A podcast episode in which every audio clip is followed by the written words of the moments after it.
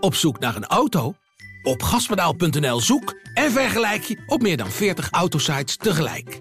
Je zoekt op de grote autoportalen en bij de autodealer om de hoek. Je hebt het grootste aanbod en maakt daarom de beste vergelijking. En zo mis je nooit meer een auto. Zoek en vergelijk op gaspedaal.nl. Dit is een aanslag op onze rechtsstaat. Wiersum was de advocaat van Nabil B., kroongetuige in het liquidatieproces rondom topcrimineel Ridwan Taghi. Elke moord is heel erg, maar als deze moord te maken heeft met de verklaringen die zijn afgelegd door de kroongetuigen, is het nog erger. Welkom bij een nieuwe aflevering van de Taghi-podcast van Het Parool. Mijn naam is Corrie Gerritsma en naast mij zitten zoals altijd misdaadverslaggevers Paul Vugts en Wouter Laumans. Hallo. In de week dat het precies een jaar geleden was dat Peter R. de Vries werd doodgeschoten in Amsterdam, volgden de nieuwe ontwikkelingen rondom deze aanslag zich razendsnel op. Er werden verdachten opgepakt en er meldde zich een nieuwe getuige. Reden genoeg voor de rechtbank om de zaak tegen de vermoede uitvoerders van de moord te heropenen. Wouter, wat een ontzettende week. Uh, ja, dat kun je wel zeggen. Ik bedoel, er gebeurde. Uh, de, de, ene gebeurtenis was. Uh, koud, stond koud in de krant of de, de, de, volgende diende zich aan. En, daar, en daarbij was natuurlijk ook nog ja, het, het, het eenjarig jubileum. Ja, hoe, hoe zeg je dat? De een, het is een jaar Herinnering. geleden. Ja, dat, een jaar geleden dat Peter R. de Vries is vermoord. Denk je, denk je dat de opsporingsdiensten er alles aan gedaan hebben om juist in deze week met nieuwe stappen te komen? Dat, dat vind ik moeilijk te zeggen. Misschien, wat denk jij, Paul? Ja, nee, dat, uh, dat zou ik ten eerste heel raar vinden eigenlijk. Want uh, dit is natuurlijk voor de nabestaanden bijvoorbeeld sowieso een hele zware week. Mm -hmm. Waarin dus het een jaar geleden is dat hun geliefde is doodgeschoten. Ik denk eerder dat het onderzoekstechnische redenen zijn geweest. Ja, maar je kan nog bijna zeggen van het is een soort van goed nieuws dat er weer een stap gezet is. Dat is, en zo beleven de nabestaanden dat ook. Alleen die nabestaanden zaten deze week natuurlijk wel echt in de achtbaan. Uh, van steeds opnieuw. Wouter en ik proberen ook voor we iets publiceren het eventjes te laten weten. En dan, uh, dan merk je, sorry, daar zijn we weer. We gaan nu dit naar buiten brengen. Dat is wel echt, echt uh, heftig voor die familie. Ja, dat was natuurlijk bij het parool ook dat we heel erg bezig zijn met verhalen maken. Na aanleiding van, of stilstaan bij de dood hè, van, of van de aanslag op Peter R. de Vries. En opeens komen er allerlei nieuwsachtige verhalen bij. Want het eerste heftige wat gebeurde, of opvallende, was dat er iemand is opgepakt. Ja, uh, er is iemand. Uh, de eerste die we naar buiten konden brengen uh, via het Parool en het Algemeen Dagblad, waarmee we samenwerken, was de aanhouding in zijn cel van iemand die dus al vast zat. Dat is Christian M. En Christian M. is een, een Pool uit Gelderland. Die zat vast voor een poging tot doodslag op een andere pool in oktober 2021. Uh, maar die is nu in zijn cel aangehouden. Uh, omdat het Openbaar Ministerie en de recherche ervan overtuigd zijn dat hij degene is die de uitvoerders van de moord op uh, Peter R. de Vries live heeft aangestuurd. Via die eerder door ons besproken Google Pixel telefoon. Een versleutelde telefoon die is gevonden in de vluchtauto van uh, Delano G, de vermeende schutter, mm -hmm. en uh, Camille E, de vermoedelijke uh, chauffeur en mee voorbereider van de moord op Peter R. de Vries. Zij werden gearresteerd. In die auto lag een Google Pixel telefoon. En uit berichtenverkeer in die telefoon, ijzingwekkend berichtenverkeer, blijkt dat er één persoon was die van afstand alles mee voorbereidde. Die, zei, die hen opdrachten gaf hoe ze het moesten doen. Dat ze moesten gaan proefschieten met het wapen, waar de schutter moest staan. Dat Camille E de schutter nog moest laten zien waar hij het beste kon, kon toeslaan. Diegene is volgens het Openbaar Ministerie Christian M. En die is maandag in de cel gearresteerd. Dus dan krijgt hij te horen dat hij van deze moord uh, uh, wordt verdacht. Wordt verdacht, ja. En over hem is nog iets anders interessants te uh, vertellen. Namelijk zijn link met de groepering rond Ridwan Taghi. De vermoede opdrachtgever van de moord op Peter R. de Vries vanaf het begin. Christian M. is ook verwikkeld in een grote rechtszaak.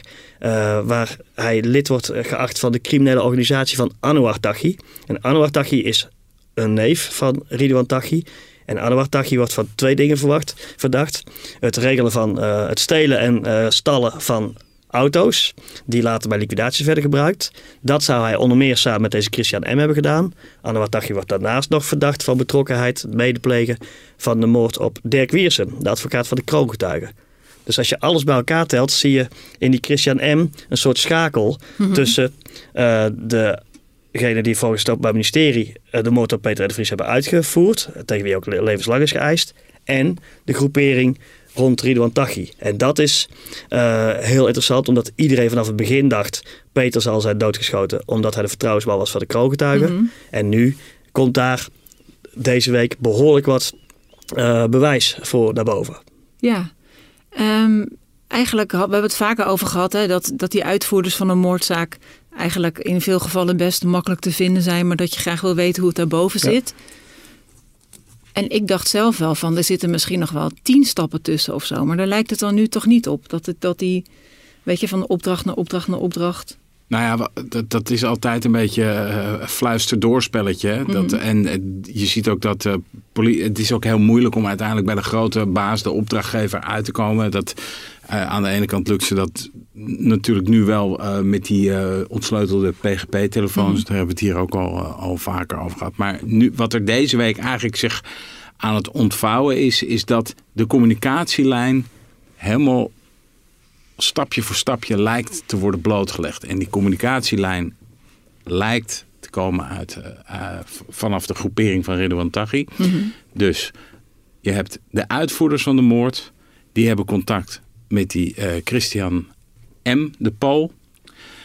Christian M., die heeft op zijn beurt weer contact met een neef van Ridwan Taghi, mm -hmm. Jawad F. Dan zitten we al dichtbij. En die neef heeft weer contact met een andere neef. En dat is Youssef Taghi, de advocaat die bij Ridwan Taghi op bezoek ging in de EBI. Dan ligt de hele keten er, zou je zeggen. Hè? Dat zou je zeggen. Uh, de, uh, maar dat is natuurlijk, het is nog niet zo dat daarmee vaststaat dat de opdracht uh, ook daadwerkelijk uit de EBI is gekomen. Nee. Alleen dat krijgt nu wel meer handen en voeten. Die, en die communicatielijn die is in een andere kwestie, daar gaan we het zo nog over hebben, is die helderder in beeld gekomen nog. En het idee is van de opsporingsdiensten en ook wel van ons dat diezelfde communicatielijn dan lijkt te zijn gebruikt uh, bij de moord op Peter R. de Vries. Maar dat is toch wel een grote stap om te zetten hoor. Daar komen we zo meteen nog wel even op terug. Ja. En uh, een, een van de stukken die jullie schreven stond volgens mij dat die Christian M. ook zelf een beetje in de panarie zat. Ja. ja. Hij heeft van het begin gezegd, het, een van de eerste berichten die hij stuurt uh, via die Google Pixel telefoons aan de uh, telefoon aan de uitvoerders, de vermoedelijke uitvoerders moet ik nog zeggen. dat is een dag voordat uiteindelijk Peter zou worden neergeschoten. Dan schrijft hij, ik moet dit doen, anders kom ik zelf ook onder de groene zoden. Dus word ik zelf ook afgemaakt. En we weten ehm, uit een andere zaak dat hij wel zwaar onder druk stond van de organisatie van uh, Ridwan Taghi. Dus, uh, en dat is eigenlijk, uh, kijk, het ouderwetse beeld dat je huurmoordenaars hebt die zich voor grof geld laten inhuren, relatief buitenstaanders zijn, een moord plegen, geld innen en gaan feesten en met allerlei prostituees naar de club. Dat is niet, niet meer zo. We zien in deze hoek van de onderwereld veel meer dat uiteindelijk uitvoerders ja, een soort kanonnenvoer zijn. Mm -hmm. dat, uh, wordt, dat niet anders kan of zich laat overtuigen dat ze toch wel zo'n uh, uh, pak geld gaan krijgen en een mooi leven. Maar je ziet dat het echt kanonnenvoer is dat uiteindelijk wordt stuk gegooid. En dat beeld zie je ook heel erg bij die Christian M. Dat ja, niet hoort hij bij het kanonnenvoer dan een beetje? Ja, dat is de ik zou denken... Eigenlijk. Ik zou denken, want je kunt hem natuurlijk opdrachtgever noemen omdat hij opdrachten geeft aan de uiteindelijke uitvoerders. Ik zie hem eigenlijk meer als het onderdeel van het groepje ja, van de uitvoerders. Ja. En dat, uh, dat opdracht krijgt uh, van een groepering tegen, wat tegen geen nee te zeggen valt. Ja. Uh, daarnaast, volgens mij was het, was het dezelfde dag of een dag later, Wouter, werden er nog meer mensen aangehouden? dat was, dan moet ik het ook even goed het zeggen. Het was dezelfde dag, maar het werd een dag later ja, dat, bekend hoe het zat. Ja. Dat, ja, dat waren de twee zogenaamde filmers. Hè. Uh, direct na de moord op uh, Peter R. de Vries liepen er twee mannen, of de moordaanslag, toen was Peter nog niet dood, mm. maar toen liepen er twee mannen al filmend door de, uh, langs het lichaam van, van Peter R. de Vries. En dat was eigenlijk al gelijk een soort ding waarvan iedereen dacht, wat, wat doen die twee daar? Die, die jongens die, die hadden allebei een beetje dezelfde kleren ook aan. En die liepen langs. Terwijl eigenlijk iedereen in die straat stond te kijken van... Jeetje, Peter R. de Vries is ja. uh, neergeschoten. Dan loopt er eentje, loopt later nog een beetje terug. En die lijkt ook te filmen. En bij het onderzoeksteam is daardoor het idee gaan leven van... Zouden die jongens dat expres hebben gedaan? Zouden die jongens expres een filmpje hebben gemaakt... en dat vervolgens hebben doorgestuurd? Ehm, nou, daar hebben wij destijds ook uh, behoorlijk wat zinnen aan gewijd, aan, aan, aan dat idee. Want ehm, de moordaanslag op Peter R. de Vries is, zo zien wij het en zo zien andere mensen dat ook, moet je eigenlijk kwalificeren als terreur. Het had geen doel meer in de strafzaak of zo. Er is mhm. geen andere reden om Peter R. de Vries uh, dood te schieten dan een soort zaaien van uh, paniek, terreur of dan wel wraak. Ja. En met die twee filmers wordt dat, wordt dat terreurgedeelte wordt, wordt eigenlijk sterker. dat idee dat, het, dat er mogelijk een, uh, ja, bijna een soort terroristisch oogmerk, het, het aanjagen van angst, het aanjagen van vrees voor die organisatie en alles wat daarmee samenhangt. Hè, Nederland laten sidderen van angst. Dat idee, dat wordt hiermee wel uh, ja, bevestigd wil ik niet zeggen, maar het, het, ook dat krijgt meer handen en voeten. Ja, en dus eigenlijk filmden zij niet om te laten zien aan de opdrachtgever wellicht van het is gebeurd, want die hoort het ook op het nieuws, maar echt om de beelden te laten verspreiden op sociale media, zodat iedereen. Dat is een theorie, hè, dat, dat, dat dat beeld via een Telegram groep. Want ik, ik kan me nog uh, herinneren, ja, het was echt niet lang nadat... Nee, ja. die, beeldjes, die beelden waren verschrikkelijk. Uh, ja, van ik denk wel dat veel mensen ze uiteindelijk gezien hebben. Want ja, ik kreeg ze ook alle kanten aangeboden. Alle kanten uit, ja. En het, uh, het zijn uh, overigens jongens uit uh, dezelfde leeftijdscategorie als Christian M. 26 en 27 jaar. De ene is mhm. gepakt in Spanje, de andere is gepakt op Curaçao. Um, we weten nog niet wat precies de bewijzen zijn tegen dit soort gasten. Dat gaat altijd stapsgewijs, snap je? Dus wij konden wel uh, met het parool melden... hey, er zijn twee uh, jongens gearresteerd en dat is hierom. Uh, en dat vonden wij, vinden wij ook echt groot nieuws. Omdat dat heel erg inkleurt wat, wat al lang werd gedacht. Dat dit een soort ultieme wraak, schuine streep, terreur um, um, is geweest. En uh, hoe het nu verder gaat, zij uh, moeten nog naar, aan Nederland worden overgeleverd door respectievelijk uh, Spanje en Curaçao. Dus dan gaan we pas meer over de details weten van wat er dan uiteindelijk aan bewijs tegen deze jongens ligt. Ja. Maar als dat terroristisch oogmerk, als dat er aan wordt geplakt, stel dat kan bewezen worden, en dat is echt hypothetisch en speculeren, dat doen we eigenlijk liever niet, maar stel dat is zo, dat betekent echt iets voor de strafmaat die, hiervoor, mm. die, die hier tegenover staat. Dat, dan heb je het echt, dan zitten mensen die zich hiermee hebben bezighouden. Die moeten dan wel echt serieus. Ja, die hebben ook echt een plan gemaakt, een groot plan gemaakt van hoe ze dit gingen aanpakken. Nou ja, het, het, het, eh, het, zaaien van terreur. Ja. Weet je, en dan, dan zit je dus ook uh, wel tegen straffen uh, in letters al snel aan te kijken, levenslang. Waren er eigenlijk, even een zijpaadje nog naar die beelden van die moord. Waren er eigenlijk meer omstanders of voorbijgangers die het gefilmd hebben en gedeeld hebben? Of was dit echt het enige filmpje wat heel erg rondging? Dat weet ik niet. Maar ik kan me voorstellen dat mensen die in deze tijden, elk gruwelijk ongeluk pakt wel iemand zijn telefoon en gaat filmen. Dus het lijkt mij dat er, en dat zal ook hè, ter verdediging van deze twee mm verdachten, is dat natuurlijk ook dat wat gezegd zal gaan worden van ja. Die, iedereen stond daar met telefoons, want de bekendste, uh, een van de bekendste Nederlanders die we kennen, die ligt daar uh, neergeschoten op de grond. Ja, maar goed, de meeste mensen zijn nog wel gewoon in Nederland die dat gefilmd hebben. Ja, die zijn niet gevlucht bedoel je? Nee, ja. klopt. En uh, als tenminste deze jongens wel gevlucht zijn, in elk geval zijn ze gepakt in het buitenland. Ja. En om even over de uh, de strafmaat, uh, wat, ik denk dat zo'n Christian M., als nou bewezen wordt dat hij de echte aanjager is geweest van deze twee uh, vermoedelijke uitvoerders, tegen wie mm levenslang is geëist, dan ben ik het met Wouter eens, dan is de kans heel groot dat ook tegen hem zo'n straf zal worden gevorderd. Die twee anderen hebben natuurlijk dan weliswaar in deze theorie bijgedragen aan terreur, maar zijn nog steeds wel alleen maar aan het filmen geweest. Dus die hebben niet geschoten of zo. Peter is niet door hen dood. Dus, maar dan krijg je allerlei mogelijke varianten. Zijn ze, um, wat voor, hoe wordt hun rol juridisch gekwalificeerd? Kijk, je hebt bij bijvoorbeeld zo Christian M. kun je zeggen. Die heeft het mede gepleegd. Die heeft samen met die uitvoerders even belangrijke uh, rollen gespeeld. Deze gasten zullen dan iets andere kwalificaties krijgen. Dus da daar moeten we niet te veel op vooruit lopen. Maar wel is het voor ons, voor Wouter erbij, is het heel belangrijk dat hier een idee dat steeds leefde langzaam bevestigd lijkt uh, te, te, worden. Dus dat de recherche niet alleen uh, van die uh, scenario's uitgaat, maar dat er ook echt wel gewoon handen en voeten langzaam aangegeven wordt. Ja. Of niet zo langzaam. Deze week is echt heel snel heel veel bekend geworden. Precies, want we waren nog niet klaar nadat er nog twee mannen waren opgepakt. Want er heeft zich ook nog een nieuwe getuige gemeld in de zaak rondom Christian M. Of zaak moet ik niet zo zeggen, maar Ja, ja, nou, ja, voor kijk, die oom rondom die verdachte.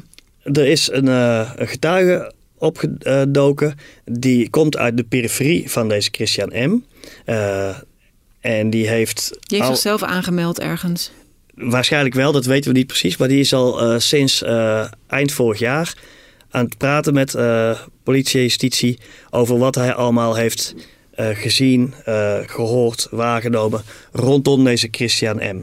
En eh, het lijkt erop dat deze persoon heeft gedacht: wow, dit wat ik hier nu allemaal zie en hoor gebeuren, dat gaat wel zover. Dit moet ik vertellen aan, eh, eh, aan de opsporingsdienst. Dat is het beeld wat er nu is. En wat belangrijk is aan die verklaringen, dat eh, diegene lijkt heel veel te weten over die Christian M, maar die wijst ook naar de moord op Peter R. de Vries, maar die wijst dan in die context naar de vermoedelijke organise- criminele organisatie van Ridwan Taghi en consorten.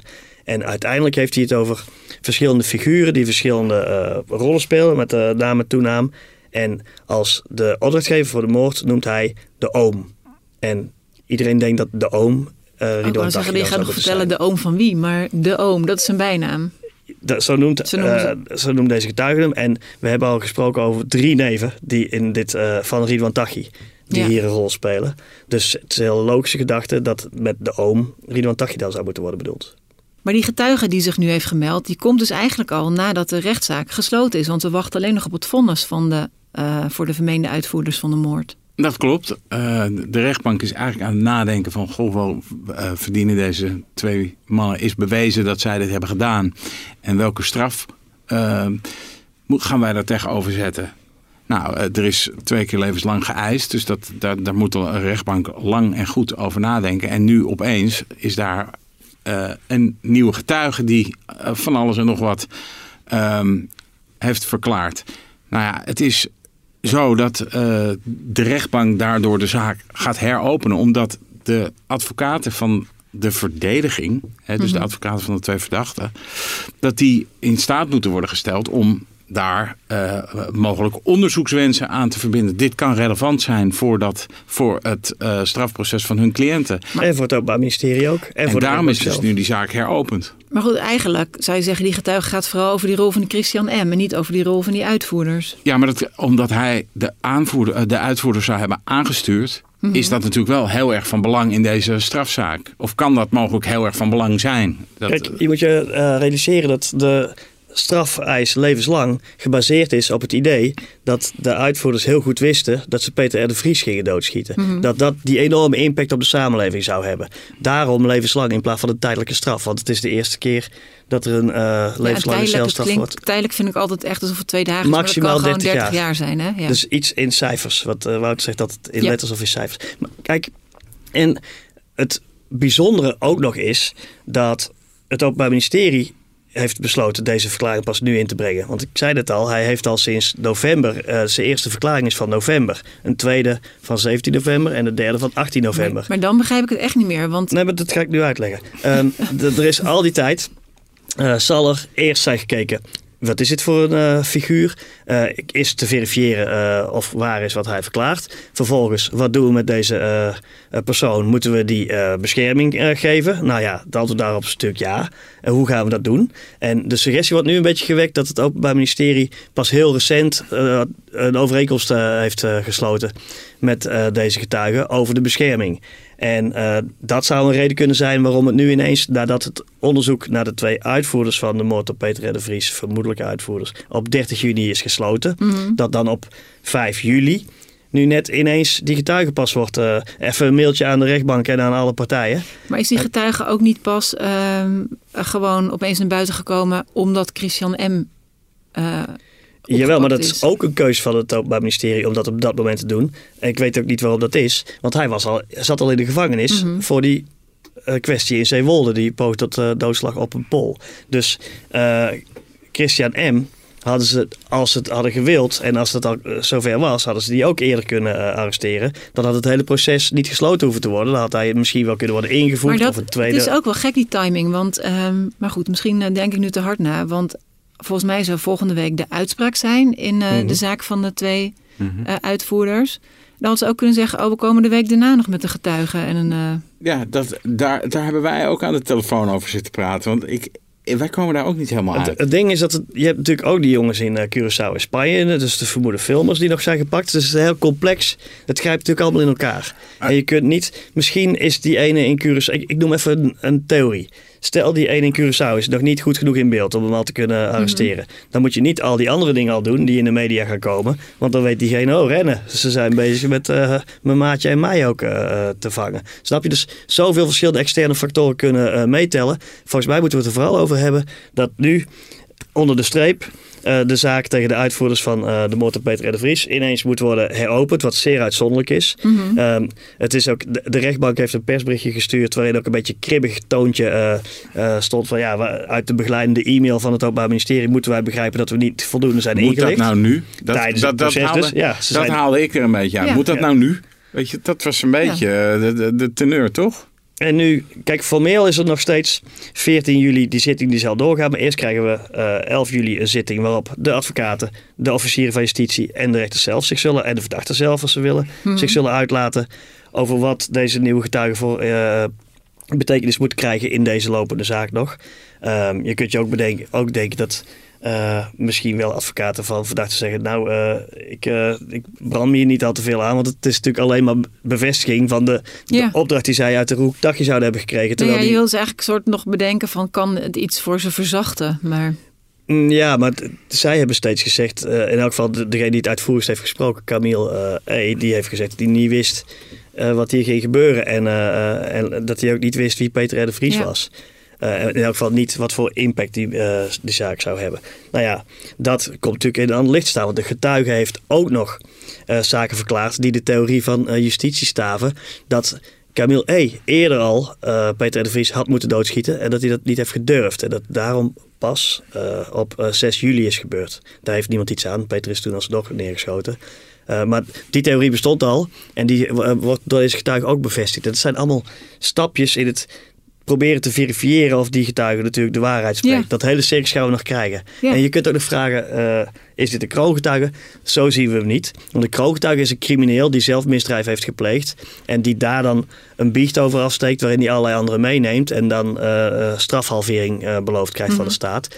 Dit lijkt om iemand te gaan, voor zover we nu kunnen overzien, die gedacht heeft wow, dit gaat allemaal veel te ver, wat hier allemaal gebeurt. Ik kan dit niet meer voor me houden. Ik ga dit vertellen. Later zullen we pas weten of diegene er ook iets voor terug heeft gevraagd, of dat hij iets heeft gekregen, of dat hij zelf in een benarde positie heeft gezeten. Dat weten we allemaal nog niet. Ja, dus in ieder geval komt er één extra zitting uh, waarbij we meer gaan horen. En daarna is te bezien of er nog een vonnis komt op diezelfde dag. Oh, ja, diezelfde en het is eigenlijk moeilijk, moeilijk voor te stellen dat dan op 14 uh, juli ineens alsnog voor uh, vonnis wordt gewezen. Je zou denken, in elk geval de rechtbank wil ook die verklaringen uit de treuren uh, lezen. Die zal misschien daar ook vragen over hebben. Dus misschien vragen maar dit gaat natuurlijk ook over een eerlijk proces, hè? Mm -hmm. Het is natuurlijk, uh, wat nou als, als er inderdaad ontlasten, als die uh, getuige allemaal ontlastende verklaringen heeft voor, twee, uh, voor die twee verdachten. En dus dat is zuiver theoretisch.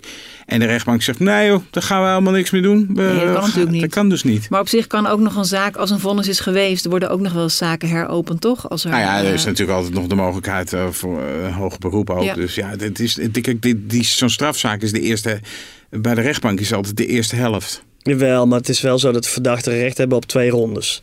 Dus een volledige twee rondes. Dus deze zaak, je kunt nu met de kennis van nu niet zeggen, nee. laat maar uh, en alvast nee. vonnis wijzen. Dat, dat gaat niet gebeuren.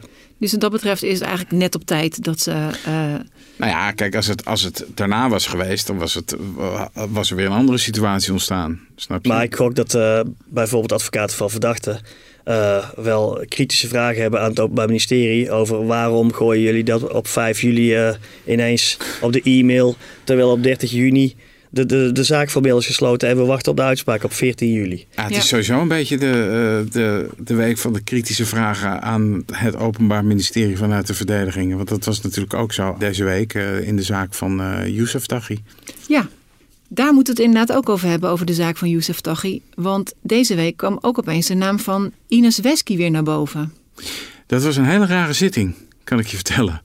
Uh, dat leek eigenlijk een beetje, nou, uh, dat was de derde performerzitting in de zaak uh, Youssef Taghi. De neef van Ridwan Taghi die zich heeft gesteld als een advocaat en verdacht wordt van eh, lekken en eh, lidmaatschap van de criminele organisatie en allemaal ander Ja, lelijks. ontsnappingsplannen. Ja, ehm, en die zitting ja, die begon eigenlijk een beetje kabbelend. En op een gegeven moment eh, wa- waren daar de advocaten van de, was daar de advocaten van de eh, verdediging, dus de advocaat van Yusuf Taghi.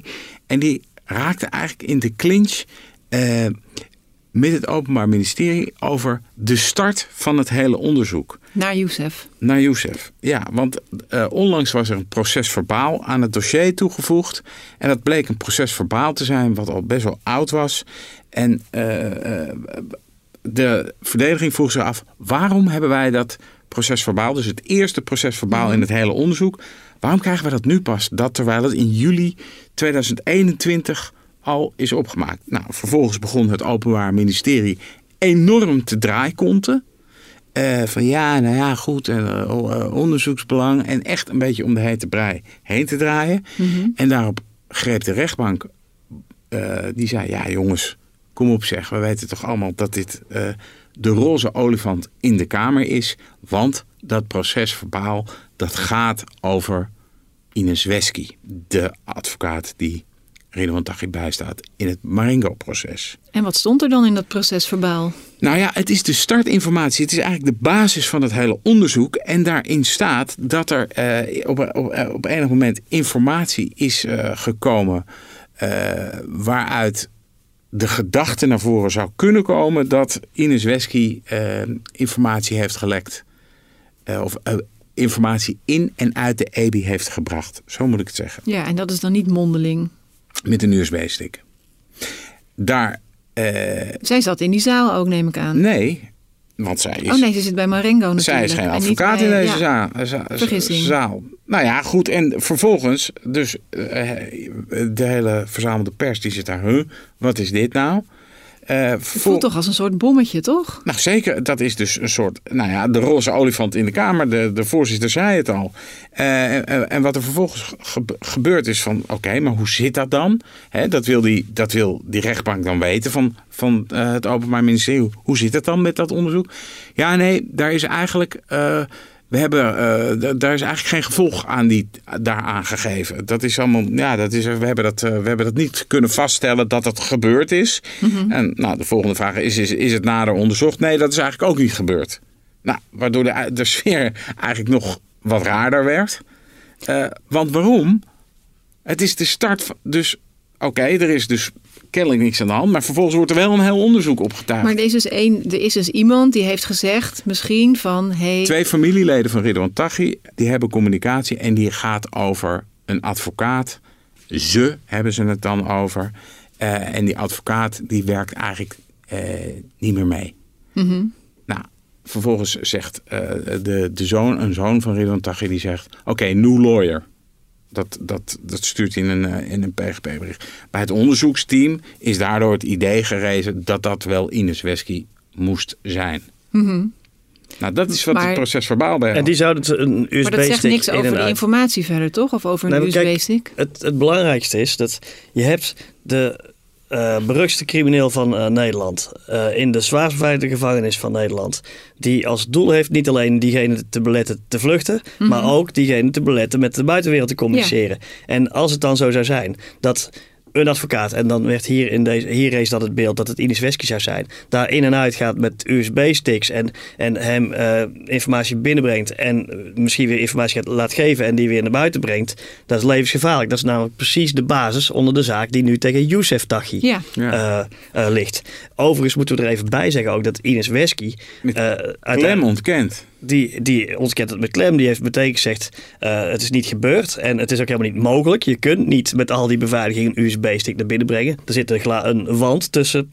Ridwan Taghi en, eh, en mij, zegt zij. Hoe moet ik een USB-stick dan eh, Ja, je geven? kan natuurlijk Dus- nog hulp van meer mensen krijgen Dus het- die ergens werken. Ja, dat kan. Maar, maar dat stelt het Openbaar Ministerie weer niet. En dat zal bijgedragen gedragen hebben aan het gedraai natuurlijk. Want er is geen zaak. Alleen het is wel heel raar. Er komt dus een onderzoek. En uiteindelijk komt er iets heel anders uit.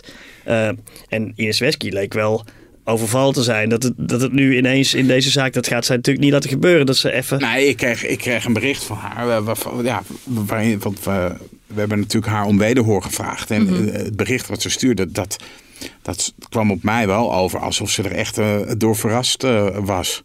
Van, joh, ik heb, ik heb het helemaal niet gedaan en het kan ook helemaal niet. Dat was eigenlijk de strekking van dat, uh, van dat WhatsApp-bericht. Ja. Ehm, wat er gebeurt, en dat vond ik ook wel. Deze, deze informatie is dus. Ik kan dus mogelijk ontlastend zijn voor Youssef Taghi. Snap je? Dus die rechtbank, die ziet, daar, die ziet daar iets gebeuren in die zaal. Van, joh, de verdediging van Youssef Taghi en de, uh, het Openbaar Ministerie lijken hier allebei om de hete brei heen te draaien. Mm Dat zegt iets over de spanning die er ook op deze zaak staat. Die, die twee. En vervolgens zegt hij voorzitter. Want ik dacht, huh? nu gooit die voorzitter gooit eigenlijk uh, even Ines Wesky voor de bus. Wat die voorzitter eigenlijk doet is, joh, dit is mogelijk ontlastend voor uh, Youssef Taghi. Ja. En daarom is het belangrijk dat dit bespro besproken wordt. En het, het, de rechtbank was ook not amused met hoe het Openbaar Ministerie zich daarin opstelt. En het rare is dat, dat je ook als je in de wandelgangen vervolgens een beetje uh, ging vragen, dat, het, dat er eigenlijk dat het een beetje, uh, hoe zeg ik dat? Er werd echt met meel in de mond gepraat. Ja. Denkt, joh, wat is er nou aan de hand? Er is informatie, die blijkt niet te kloppen. Of nou, er is geen opvolging aangegeven. Er wordt wel een heel onderzoek gestart. En vervolgens komt Youssef Taghi aan het einde uit de bus gerold. Wat is hier aan de hand? Ja, want voor een, uh, even als ik het simpel bedenk, en het zal wel niet kloppen, maar ik ga het toch zeggen, dan denk je, oh, er was aanwijzing, niet informatie uh, uh, heen en weer gebracht. Nou, dan beginnen we bij Ines Wesky. Oh, die is het niet. Oh, dan gaan we nu allemaal dingen ophangen en nu gaan we, en dan blijkt het Youssef Taghi ja, dat, te zijn. Dat is in de tijd klopt dat niet, omdat dat pas heel veel later is. En het moet misschien wel even, want je hebt wel gelijk. De, Misschien moet nog even uitgelegd worden waarom het dan ontlastend zou zijn voor Youssef Taghi als Ines Wesky het heeft gedaan. Hmm. Nee, als er dus andere wegen naar buiten zijn om die informatie naar buiten te spelen. Of als Youssef Taghi Ja. helemaal de enige niet is. Dan wordt zijn rol natuurlijk relatief kleiner. Ja. Uh, dus daarom is het van belang. En daarom uh, stoort die rechtbank zich er nog aan. Het zou kunnen dat het Openbaar Ministerie de naam van Ines Wesky niet heeft willen bezoedelen. Maar dat is al wel een beetje naïef. Want zoiets komt natuurlijk uh, maar het is altijd de uit. startinformatie van het hele onderzoek. En dat is, weet je wel, en het, het, het blijft iets heel vreemds eigenlijk. Ja, Als je erover nadenkt. maar Kijk, is- wat er, wat, het, het, wat, er, wat er is gezegd altijd. Er is in februari een onderzoek gestart. Dat is eh, wat er is gezegd na de aanhouding van Youssef Taghi. Het volgende moment is eigenlijk in, de, in het hele onderzoek, tenminste wat bij ons bekend, wat bij mij en eh, Paul bekend is, is dat er na de moord op Peter R. de Vries een machtiging wordt afgegeven om de spreekkamer van de EBI vol te hangen met afluisterapparatuur. Maar daar zitten dus, nou, eh, daar zit dan dus bijna een half jaar tussen. Ja, en relevant is dat Youssef Taghi vanaf maart 2021 toegang heeft gekregen tot de EBI. Met alle paniek van dien bij heel veel verschillende mensen. Die denken, wat is dit nou? Een, eh, een neef van uh, Ridwan Mhm. Taghi, dat hebben we hier eerder in een aflevering besproken, krijgt vrije toegang, ongecontroleerd. En komt heel vaak daar naartoe. Daar heeft de overheid, laten we het even zo, uh, uh, niks aan willen doen. Daar waren heel veel mensen ontstemd over.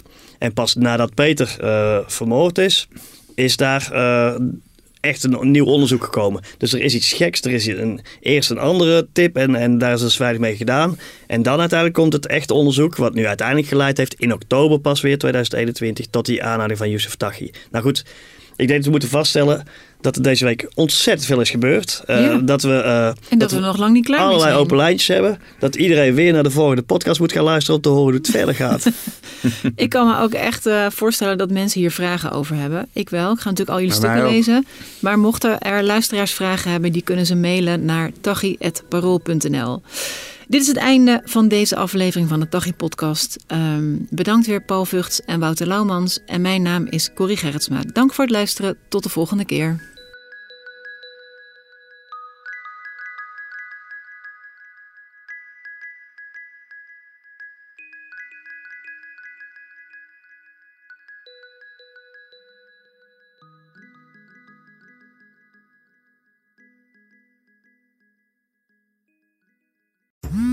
Worden dagelijks overladen met overbodige informatie. En het is moeilijk de zin van de onzin te scheiden. Daarom vertrouw ik op echte journalisten in plaats van meningen. Een krantenmens heeft het gemakkelijk. Word ook een krantenmens en lees je favoriete krant nu tot al zes weken gratis. Ga snel naar krant.nl. Bezorging stopt automatisch en op deze actie zijn actievoorwaarden van toepassing. Op zoek naar een auto? Op gaspedaal.nl zoek en vergelijk je op meer dan 40 autosites tegelijk. Je zoekt op de grote autoportalen en bij de autodealer om de hoek. Je hebt het grootste aanbod en maakt daarom de beste vergelijking. En zo mis je nooit meer een auto. Zoek en vergelijk op gaspedaal.nl.